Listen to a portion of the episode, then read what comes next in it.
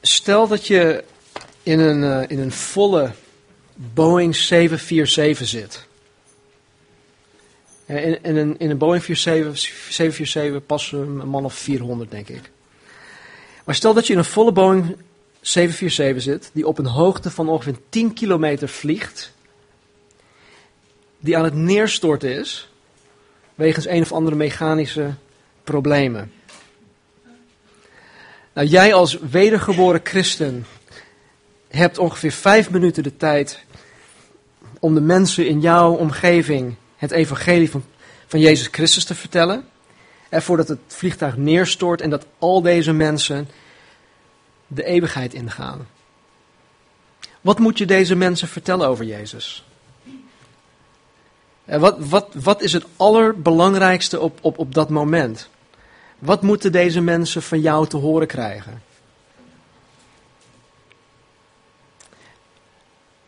Moet je hun vertellen dat, dat Jezus hun vriend wil zijn? Moet je hun vertellen dat Jezus hun leven kan verbeteren?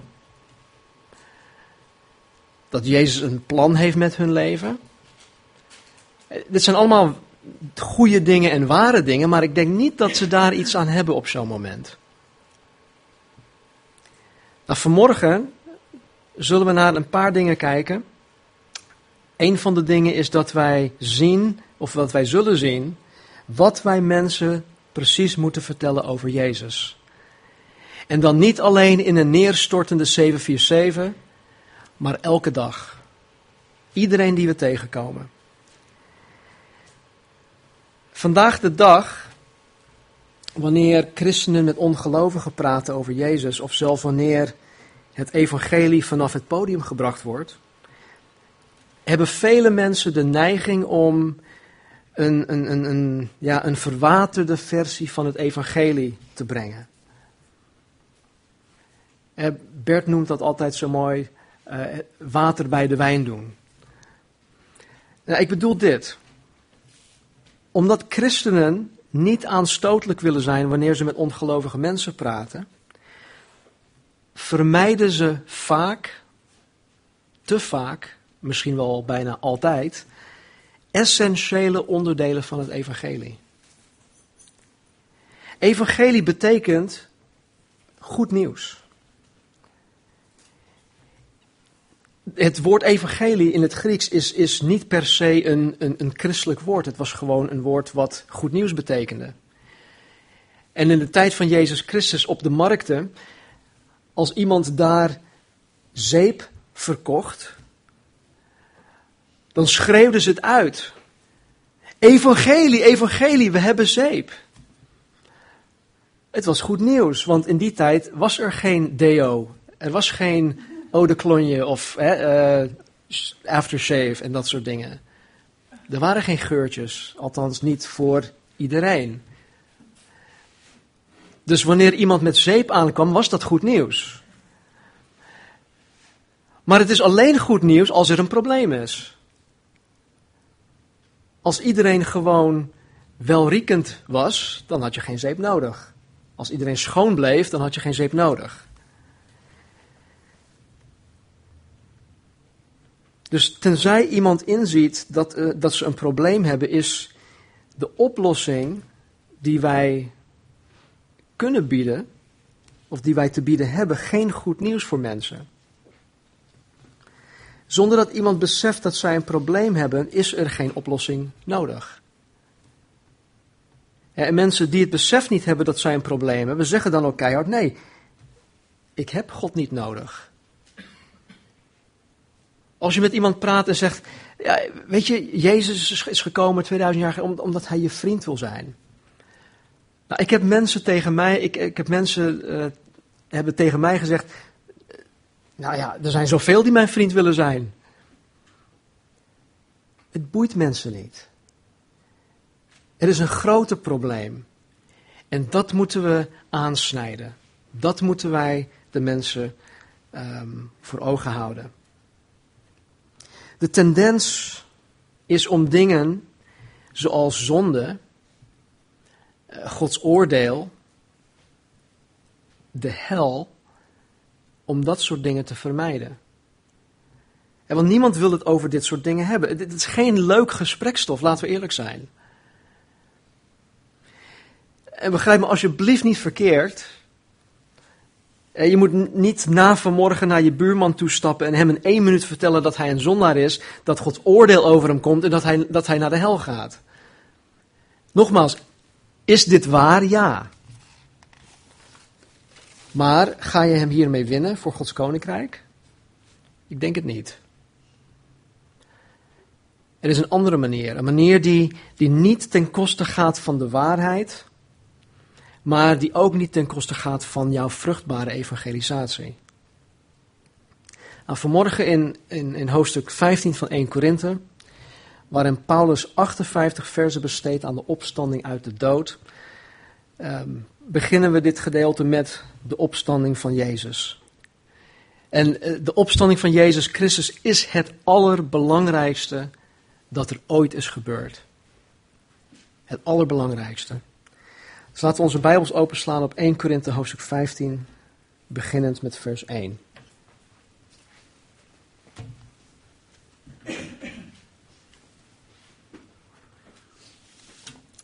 Voor jullie die uh, de nieuwe HSV-Bijbels hebben, ik lees nog steeds uit de eerste uitgave van de, deze deeluitgave, dus het kan nog verschillen, want er zijn nog wat um, aanpassingen aangebracht. Maar vanaf volgende week pak ik mijn nieuwe. Verder zegt Paulus: Maak ik u bekend, broeders, het evangelie. Dat ik u verkondigd heb, dat u ook aangenomen hebt, waarin u ook staat. Waardoor u ook zalig wordt, als u eraan vasthoudt op dezelfde manier als ik het u verkondigd heb. Of het zou, moeten, of het zou zo moeten zijn dat u te vergeefs geloofd hebt. Want ik heb ten eerste overgeleverd wat ik ook ontvangen heb: dat Christus gestorven is voor onze zonden, overeenkomstig de schriften en dat hij begraven is en dat hij op, opgewekt is op de derde dag overeenkomstig de schriften. En dat hij gezien is door Kefas, door Petrus, daarna door de twaalf. Daarna is hij gezien door meer dan 500 broeders op één keer, van wie de meesten nu nog in leven zijn, maar sommigen ook zijn ontslapen. Daarna is hij gezien door Jacobus, daarna door alle apostelen. En als laatste van allen is hij ook gezien door mij, als de ontijdig geborene. Ik immers ben de minste van de apostelen, die niet waard ben een apostel genoemd te worden, omdat ik de gemeente van God vervolgd heb. Door de genade van God echter ben ik wat ik ben, en zijn genade voor mij is niet te vergeefs geweest. Maar ik heb mij veel meer ingespannen dan zij allen. Niet ik echter, maar de genade van God die met mij is. Of ik het, of ik het dan ben of zij, zo prediken wij en zo hebt u geloofd. Tot zover.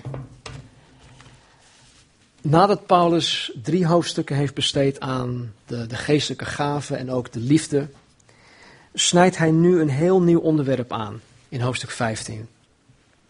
In de kerk in Korinthe geloofden sommigen uh, niet in de opstanding uit de dood. En dat geloof hebben ze dus meegenomen vanuit hun, hun heidens uh, verleden. En de Grieken die, die, hadden, die maakten onderscheid, een heel sterk onderscheid tussen geest en lichaam. En alles wat geestelijk was, dat was goed. Dat was uh, verlosbaar of te verlossen. Maar alles wat fysiek was, lichamelijk was, dat was, dat was uit den boze.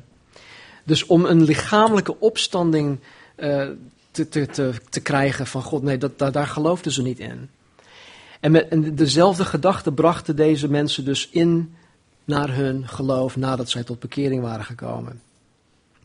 En dus als het met alle andere onderwerpen in deze brief ging, tracht Paulus dus nu ook in hoofdstuk 15 hun van deze foute gedachten af te brengen. Vers 1 zegt hij, maar ik maak u bekend, broeders, het evangelie dat ik u verkondigd heb, dat u ook aangenomen hebt, waarin u ook staat. Hij herinnert hun eraan dat zij het evangelie van, van hem, Paulus, hebben ontvangen. Paulus verkondigde het evangelie dat gebaseerd is op, op historische feiten, en er waren ooggetuigen die het vastgelegd hebben. En op het profetisch woord van God. En het is dit evangelie die de Corinthiërs hebben aangenomen. Een evangelie die gebaseerd is op zowel historische feiten als het profetisch woord van God. Op het moment dat het ware evangelie tot de mens komt, die, die open oren heeft, die open ogen heeft, die een open hart ervoor heeft, dan zal die persoon een keus moeten maken. Elke keer wanneer wij het ware evangelie aan iemand vertellen, dan is die persoon verantwoordelijk voor die kennis. En God houdt hun ook verantwoordelijk. En zij moeten een keus maken. Ze worden gedwongen om een keus te maken. Jezus zei in het evangelie, wie niet voor mij is, is tegen mij. Dus mensen die zelfs denken van, nou joh, oké is goed, uh, maar ik maak, ik maak geen keus, ik, ik hoef niet te kiezen. Nou, als je geen keus maakt, dan heb je toch een keus gemaakt. Als je niet voor Jezus kiest, dan kies je automatisch tegen Jezus. Paulus zegt ook dat de Corinthiërs in het evangelie staan. En met andere woorden, ze staan op het ware evangelie die Paulus verkondigd heeft. En dit is het fundament van het christen zijn. Zou dit evangelie worden veranderd? Of zou het weggenomen worden? Dan zou daarmee, geestelijk gezien, het fundament helemaal wegvallen. Dan zouden ze nergens meer op kunnen staan. En ook wij niet. Als wij afwijken vanaf het ware evangelie, dan hebben wij nergens meer om op te staan. Maar zij staan, de Corinthiërs. En zolang zij in het ware evangelie geloofd hebben, zolang zij echt tot wedergeboorte zijn gekomen, dan zullen zij ook blijven staan. Vers 2. Waardoor u ook zalig wordt als u eraan vasthoudt, zoals ik het u verkondigd heb tenzij dat u te vergeefs geloofd hebt. Door te blijven staan, worden de Corinthiërs op een gegeven moment ook zalig. Zalig wil zeggen dat onze uiteindelijke redding, ons eeuwige behoudenis, een realiteit zal gaan worden. We, zijn, positioneel zijn wij nu al zalig. God ziet ons nu al, al als verheerlijkt vanuit onze positie. Maar het is nog geen realiteit voor ons geworden. De Bijbel leert ons dat wanneer Jezus Christus terugkomt, dat onze, eeuwig, eh, onze eeuwige heerlijkheid, het zalig worden, dat het dan tot vervulling gaat komen. dus als gelovige heb ik een zalige toekomst. Maar, Paulus zegt, deze zaligheid is wel afhankelijk van ons vasthouden aan het ware evangelie, zoals Paulus die verkondigd heeft. Tenzij iemand te vergeefs geloofd hebt. De vele waarschuwingen tegen valse leer van zowel Jezus als Paulus, als Johannes, als Judas, die staan niet voor niets in de Bijbel. Het is niet zo dat, dat deze mensen ons ja, het leven zuur willen maken, dat we niet van meerdere dingen kunnen proeven, hè, dat alles zo nauw is en zo bekrompen. Nee, de reden dat, dat God ons waarschuwt over valse leer is omdat de valse leer ons van die zaligheid weg kan nemen, of die zaligheid af kan halen.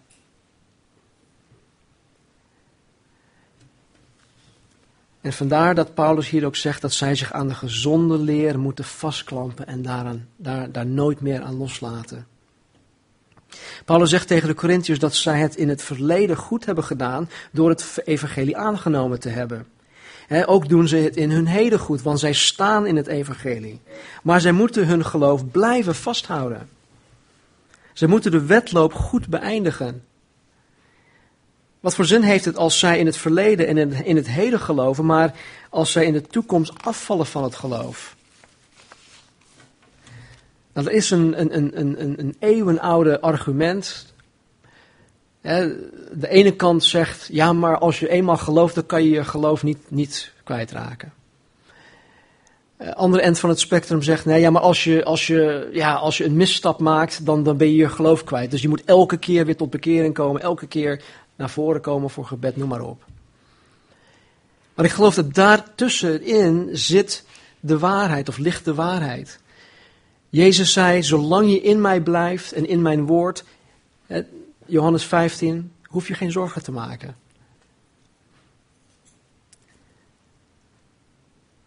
Als iemand het evangelie niet vasthoudt, dan kunnen ze niet blijven bouwen op het geloof dat ze ooit in het verleden hebben gehad.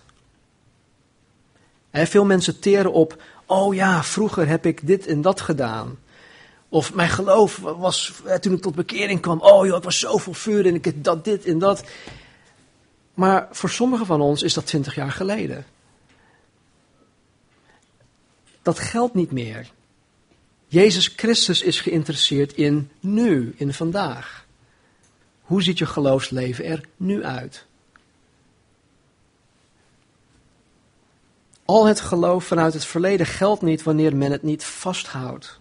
Dan hebben ze, zoals Paulus hier zegt, te vergeefs geloofd. Vers 3, want ik heb u ten eerste overgeleverd wat ik ook ontvangen heb, dat Christus gestorven is voor onze zonden, overeenkomstig de schriften. En dat hij begraven is en dat hij opgewekt is op de derde dag, overeenkomstig de schriften.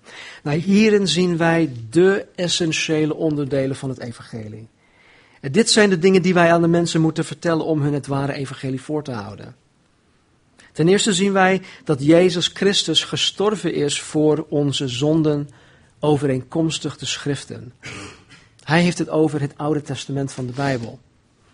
De Bijbel leert ons dat de mens zondig is. De mens van anno 2010 wil dat niet accepteren. Want mensen denken dat de mens goed is van nature. Mensen doen goede dingen. Zelfs niet gelovige mensen doen goede dingen. En dat beaam ik. Er worden hele goeie, heel veel goede dingen gedaan. Maar de kern is niet goed. En de Bijbel leert ons dat, dat de mens zondig is. En dat uh, de mens de eeuwige dood verdient. dat, dat wil zeggen dat de mens veroordeeld is tot de hel. Dat moeten wij heel goed doorkrijgen. Niet dat wij dat van de daken schreeuwen, maar met die gedachte moeten wij andere mensen wel gaan zien. Ik zei een tijdje geleden dat dagelijks 150.000 mensen op deze aarde sterven. Hoeveel van deze mensen gaan de zaligheid in? En hoeveel niet? In Romeinen 3, vers 10 tot 12 staat dit. Er is geen mens rechtvaardig, zelfs niet één. Er is geen mens verstandig, er is geen mens die God zoekt. Allen hebben ze zich afgewend. Heel de mensheid is verdorven. Er is geen mens die nog het goede doet. Er is er zelfs niet één. Romeinen 3, 23. Allen hebben gezondigd en missen de heerlijkheid van God. Romeinen 6, 23. Het loon van de zonde is de dood. Oftewel, de zonde verdient de eeuwige dood.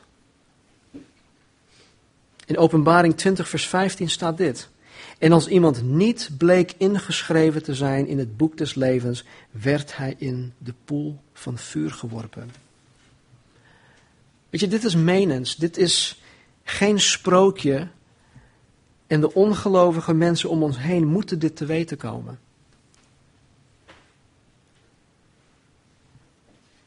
Dus het probleem waarmee elk mens te maken heeft, is dat hij een zondaar is. En waardoor hij een eeuwige doodvonnis gekregen heeft.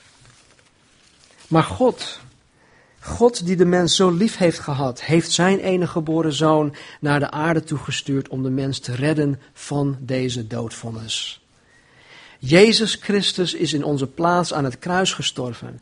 Hij heeft aan het kruis onze doodvonnis op zich genomen, waardoor wij vrijgepleit zijn, waardoor wij vrijgesproken kunnen worden.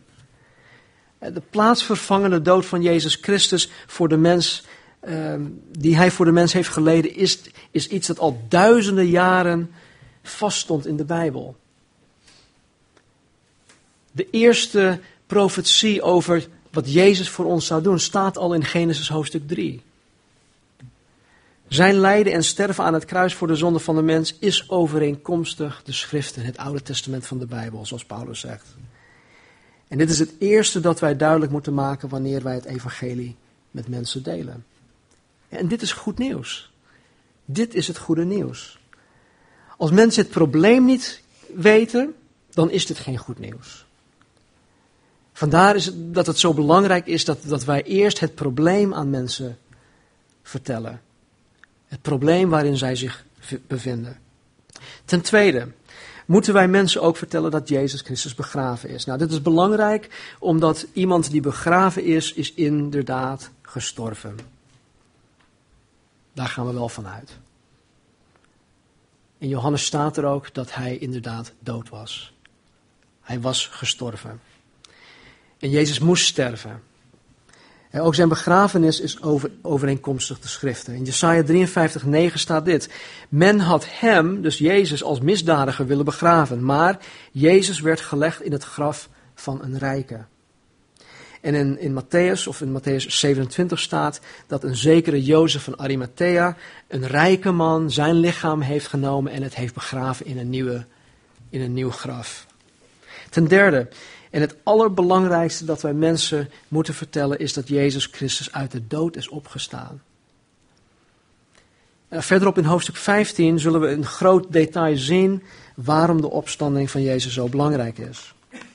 En ook deze opstanding is overeenkomstig de schriften.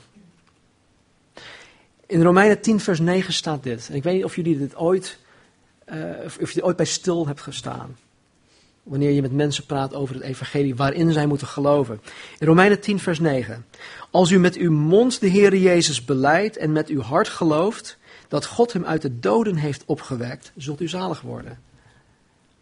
Dus het is niet alleen geloven dat Jezus Christus voor je, voor je zonde is gestorven aan het kruis, maar wij moeten ook geloven in zijn opstanding. Dat is een vereiste. Als je dat gelooft en dat beleidt, zal je zalig worden. Vers 5. En dat Jezus verschenen is aan Kefas, daarna aan de twaalf. Maar Kefas is een andere naam voor de apostel Petrus.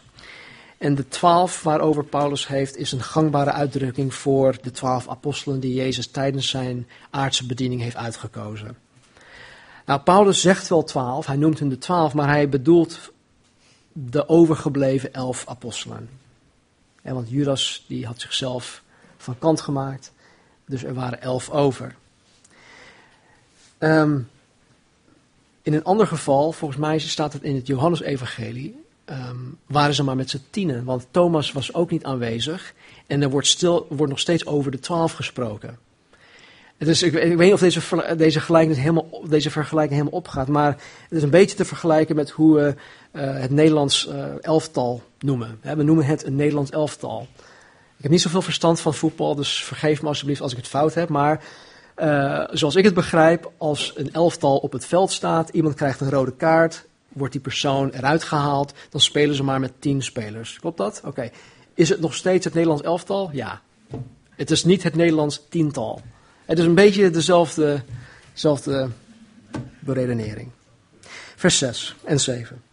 Daarna is Jezus verschenen aan meer dan 500 broeders tegelijk, van wie de meesten nu nog in leven zijn. Maar sommigen ook zijn ontslapen. Daarna is hij verschenen aan Jacobus, daarna aan alle apostelen. Deze Jacobus is de halfbroer van Jezus. Paulus probeert de Corinthiërs in te laten zien dat, dat er voldoende ooggetuigen waren eh, die Jezus gezien hebben nadat hij was opgestaan uit de dood. En weet je, dit is genoeg bewijs, historisch bewijs, voor ons ook, anno 2010, om te geloven in de opstanding van Jezus. Als je vandaag de dag naar een rechtbank toe gaat, dan, dan worden bepaalde getuigen opgeroepen van een, van een incident. En zelfs op de, de getuigenis van, van één of twee getuigen wordt een zaak vastgesteld. Kan iemand veroordeeld worden? Dus waarom niet de getuigenis van alle twaalf, of hè, de apostelen, van Paulus, 500 mensen en al die anderen die Jezus Christus gezien hebben? Dit zijn historische feiten. En wij kunnen hierop bouwen. In de evangelie zien we dat Jezus niet op afstand te zien was. van, is hij dat nou wel of niet? Nou, ik weet het niet. Pak mijn bril even. Nee, hij was van heel dichtbij te zien. van heel dichtbij. Na zijn opstanding uit de dood kreeg Jezus zijn verheerlijk lichaam, waardoor hij eh, ja, zomaar in een gesloten ruimte verscheen. Eh, Jezus sprak met hun. Hij wandelde met hun. Hij at met hun. Hij was voor zijn discipelen net zo persoonlijk na de opstanding als dat hij voor zijn opstanding was. En als laatste vers 8 van allen is hij ook aan mij verschenen, als aan de ontijdig geborene. Paulus die op weg was naar Damascus om christenen te, te, te, uh, te, hoe noem je dat? te vervolgen, hun, hun gevangen te nemen, die kreeg plotseling een persoonlijke ontmoeting met de opgestane Heer.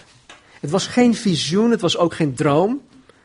Het was, let, het was een letterlijke, fysieke, lichamelijke ontmoeting met Jezus. Het enige verschil tussen uh, de ontmoeting van Paulus met de opgestane Heer en al die anderen is dat um, Jezus aan Paulus verscheen na de hemelvaart.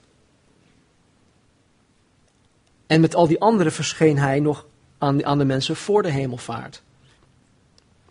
In Galaten 1, vers 11 en 12 staat dit. Hij zegt, ik verzeker u broeders en zusters, het evangelie dat ik verkondigd heb is geen zaak van mensen.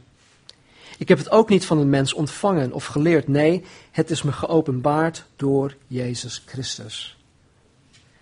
En volgens dit gedeelte in Galaten 1 heeft Paulus een aantal jaren in Arabië gezeten. En blijkbaar heeft Jezus het evangelie, het gehele evangelie, in die tijd aan Paulus kenbaar gemaakt.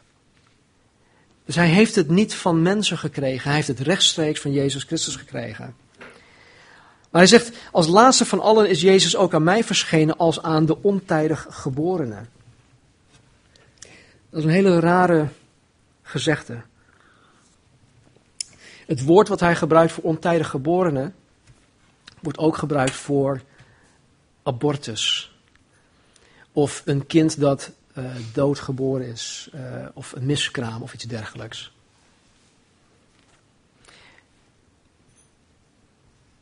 En hij zegt met ontijdig geborenen, kan Paulus bedoelen dat hij niet gelijktijdig met de andere apostelen tot wedergeboorte is gekomen. En het woord dat, dat voor miskraam en dat soort dingen, dat wordt ook gebruikt voor een kind die te vroeg is geboren. Of te laat. Dus het heeft te maken met eh, het, het, het geboren worden van een kind. Hij maakte geen deel uit van de twaalf. Hij had geen deel in de aardse bediening van Jezus. En voor zijn gevoel hoorde hij er eigenlijk niet bij. Hij was een soort van apostolisch nakomertje. Vers 9. Ik immers, zegt hij, ben de minste van de apostelen, die niet waard ben een apostel genoemd te worden, omdat ik de gemeente van God vervolgd heb. Weet je, Paulus was volkomen bewust van waar hij vandaan was gekomen. Paulus was de vervolger van de christenen het was niet zo dat hij een, een, een, een last of zo met zich meedroeg, dat hij een zwaar uh, schuldgevoel continu met zich meedroeg, maar een bewustzijn van wie hij was toen Jezus hem gegrepen had. Weet je nog, toen, toen, toen Kobus uh, over Filippenzen 3 sprak, sprak hij over het feit dat Jezus Paulus gegrepen had. Nou, Paulus was volkomen bewust van wie hij was toen Jezus hem op dat moment greep. Omdat hij voor zijn bekering de gemeente van Christus schade heeft aangericht, acht hij zichzelf de minste van alle apostelen. Ik weet niet of jullie hem als de minste zien. Ik zie Paulus niet als de minste van de apostelen. Paulus is mijn held. Ik geloof dat Paulus, nou, ik weet het wel zeker, Paulus heeft meer voor het evangelie betekend dan, dan ik geloof alle andere apostelen bij elkaar opgeteld. In Efeze 3, vers 8 noemt Paulus zichzelf de allerminste van alle christenen. En aan het eind van zijn leven, in 1 Timotheus 1, vers 15, noemt Paulus zichzelf de voornaamste, oftewel de grootste zondaar van alle zondaren. Hij doet dit niet uit een of andere valse vorm van nederigheid. Hij ziet het echt zo. Want hoe langer Paulus hier op aarde leefde, hoe beter hij Jezus Christus en zijn genade leerde kennen.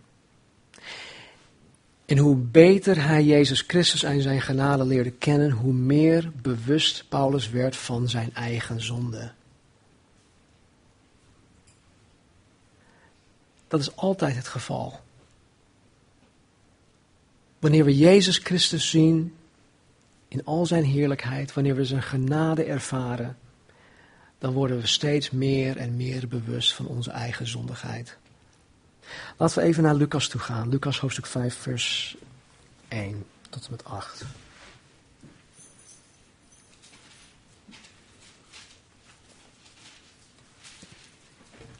Lucas 5, vers 1. En het gebeurde toen de menigte op Jezus aandrong om het woord van God te horen, dat hij bij het meer Genezaret stond. En hij zag twee schepen aan de oever van het meer liggen. De vissers waren eruit gegaan en spoelden de netten. Hij ging aan boord van een van de schepen, dat van Simon was, van Petrus, en vroeg hem aan een eindje van het land af te varen. En hij ging zitten en onderwees de menigte vanuit het schip. Toen hij ophield met spreken, zei Jezus tegen Simon: Vaar naar het diepe gedeelte en werp uw netten uit om te vangen.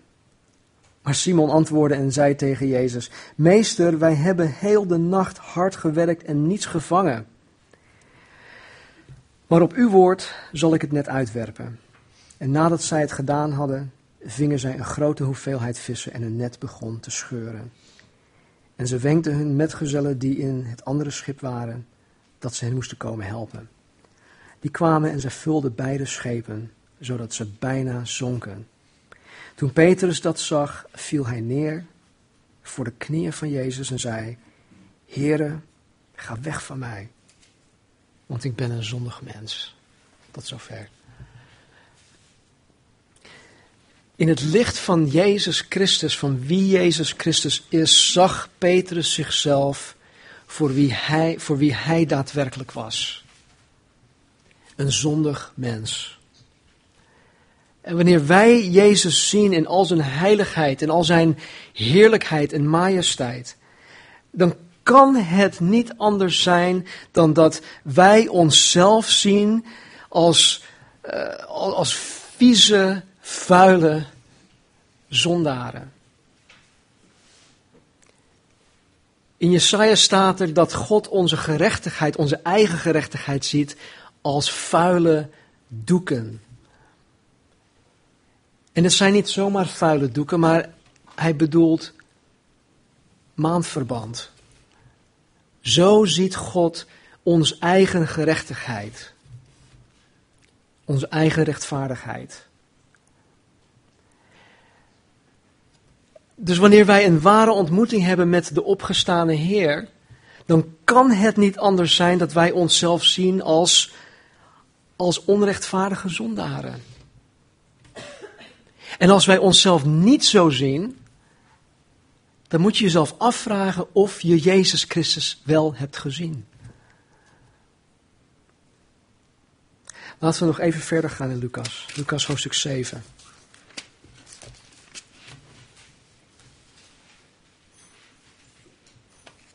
Uh, Lucas 7, vers 36.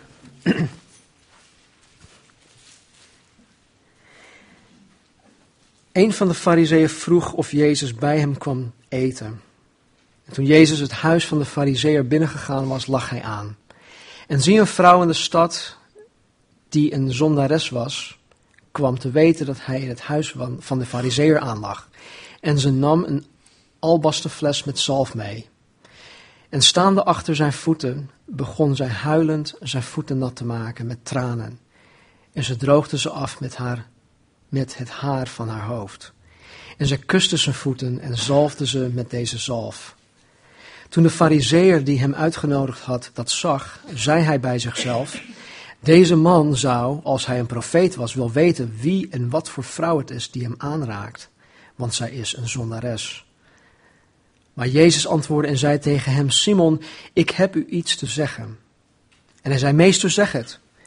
Jezus zei: Een zekere schuldeiser had twee schuldenaars. De een was 500 penningen schuldig en de ander 50.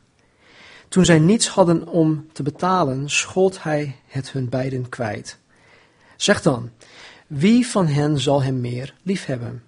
Simon antwoordde en zei: Ik denk dat hij het is aan wie hij het meeste kwijtgescholden heeft. Jezus zei tegen hem: U hebt juist geoordeeld. En hij keerde zich om naar de vrouw en zei tegen Simon: Ziet u deze vrouw? Ik ben in uw huis gekomen. Water voor mijn voeten hebt u niet gegeven. Maar zij heeft mijn voeten met tranen nat gemaakt en met het haar van haar hoofd afgedroogd. U hebt mij geen kus gegeven. Maar vanaf het moment dat zij binnengekomen is, heeft zij niet opgehouden mijn voeten te kussen. Met olie heeft u mijn hoofd niet gezalfd, maar zij hebt, heeft mijn voeten met zalf gezalfd. Daarom zeg ik u, haar zonden, die veel waren, zijn haar vergeven, want ze heeft veel lief gehad. Maar aan wie weinig vergeven wordt, die heeft weinig lief. Tot zover. Net als Petrus in het licht van Jezus Christus was, uh, was, was deze vrouw volkomen bewust van haar zonde. Ze was volkomen bewust van wie zij was.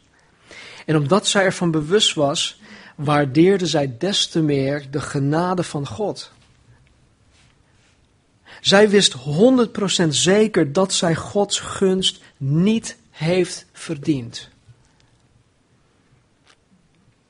De Fariseërs daarentegen, deze Simon onder andere, die waren overtuigd van hun eigen goedheid. Die waren overtuigd van hun eigen rechtvaardigheid. En ze hielden zich aan aller, allerlei religieuze regels.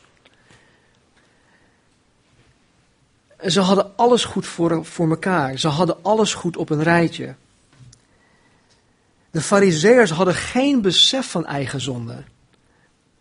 En ze maakten zichzelf niet schuldig aan de uiterlijke zonde van bijvoorbeeld deze vrouw. Of de anderen hè, waar, waar ze op neerkeken. Maar de fariseërs maakten zich schuldig aan een nog ergere, aan een nog grovere zonde. Ze waren vol eigendunk. Ze keken neer op anderen die wel uiterlijk zondigden. Hun zonde was innerlijk. Het was een zonde van hun hart.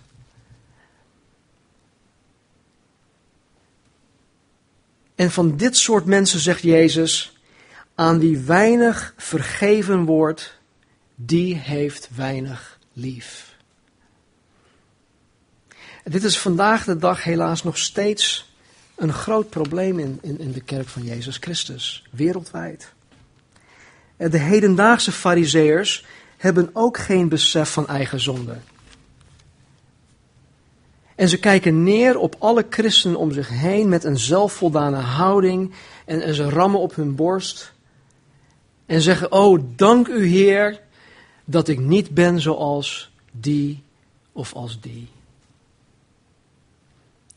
Het gevolg van deze hartsgesteldheid is dat zij niet in staat zijn om lief te hebben. En, en dat is in alles is dat te zien. Hoe zie je jezelf? Hoe zie je jezelf? Zie je jezelf in het licht van Jezus Christus en zie je jezelf als een, een sorry dat ik het zo moet zeggen, als een vieze, vuile zondaar? Of leef je vanuit de waanvoorstelling dat je een goede christen bent?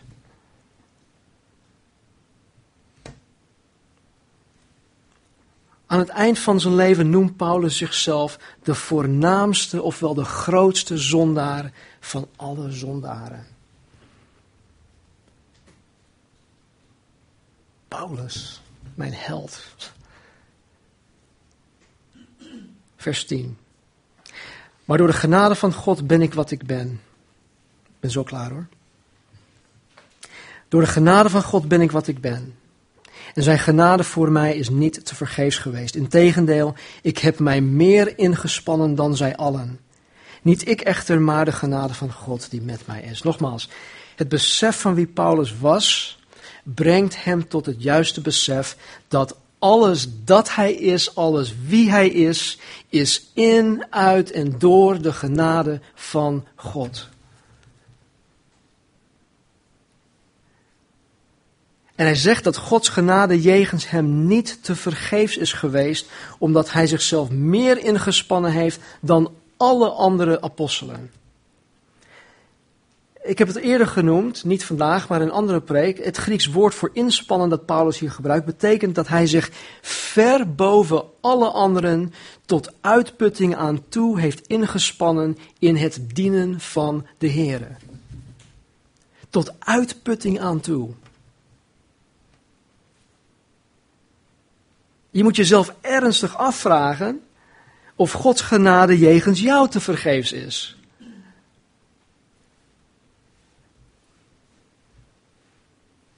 En dan eindigt hij dit gedeelte. Of ik het nou ben of zij, zo prediken wij.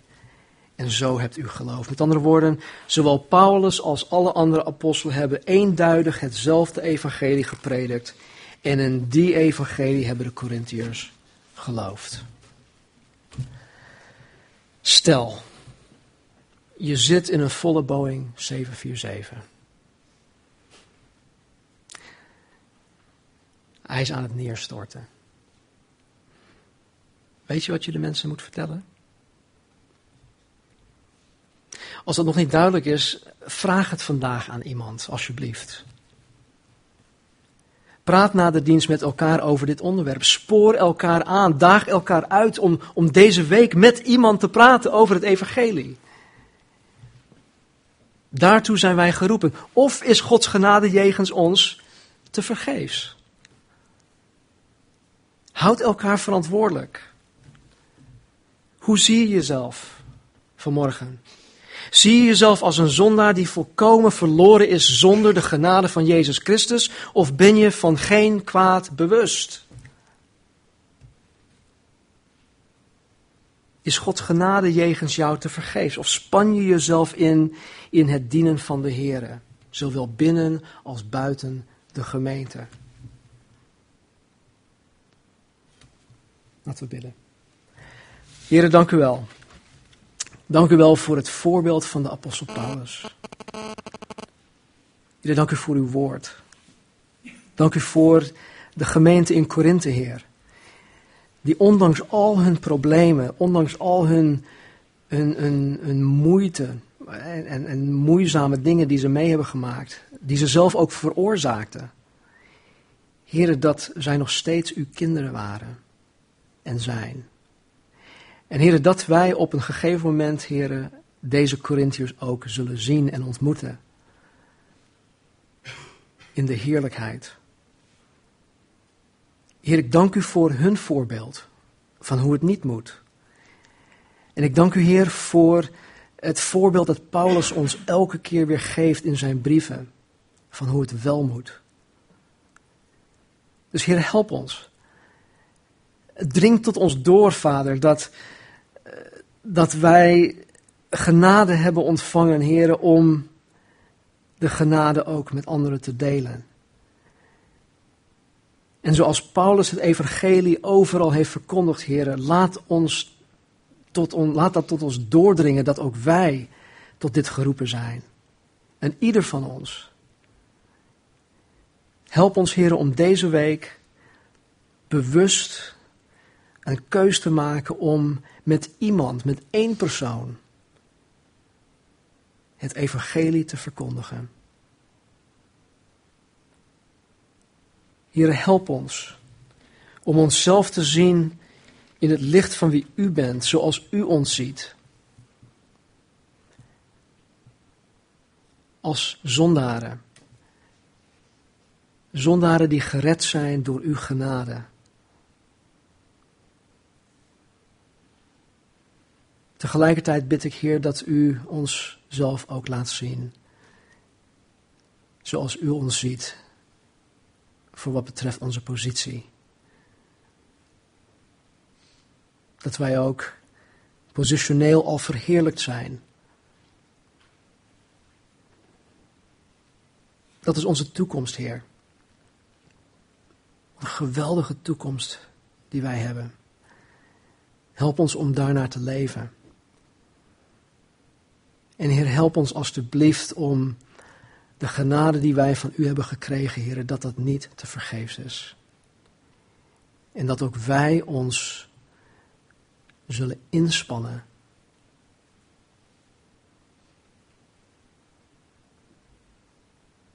Heer, misschien niet zoals Paulus tot uitputting aan toe. Maar Heer, voor sommigen van ons geldt dat misschien dat we ons überhaupt inspannen. Hoe wij er ook in staan, Heer, help ons. Wees ons genadig.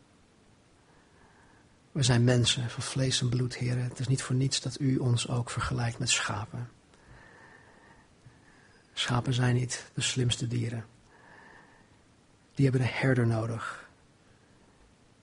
En ook wij, heren, hebben u als de goede herder nodig om ons te leiden, om ons te wijden,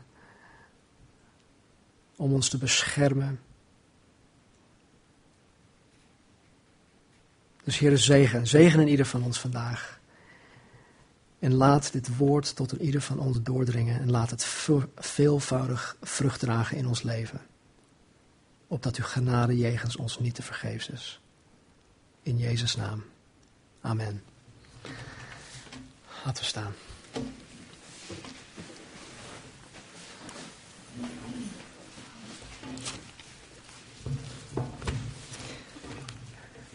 Mogen de Heer deze week zijn genade op, op een hele bijzondere manier kenbaar maken.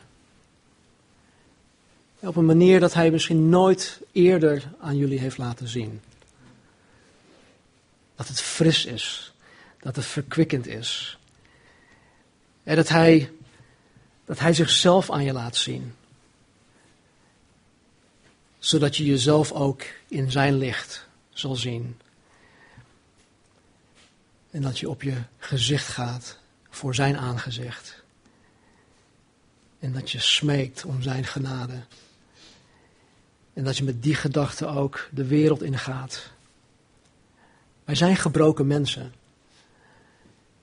Maar daarbuiten zijn gebroken mensen zonder de maker. En wij kennen die maker. En het is zaak dat wij die gebroken mensen voorstellen aan de maker van ons gebroken leven. Dus wees een zegen voor elkaar, thuis, op je werk, op school. En wees gewoon gezegend omwille van zijn naam. Amen.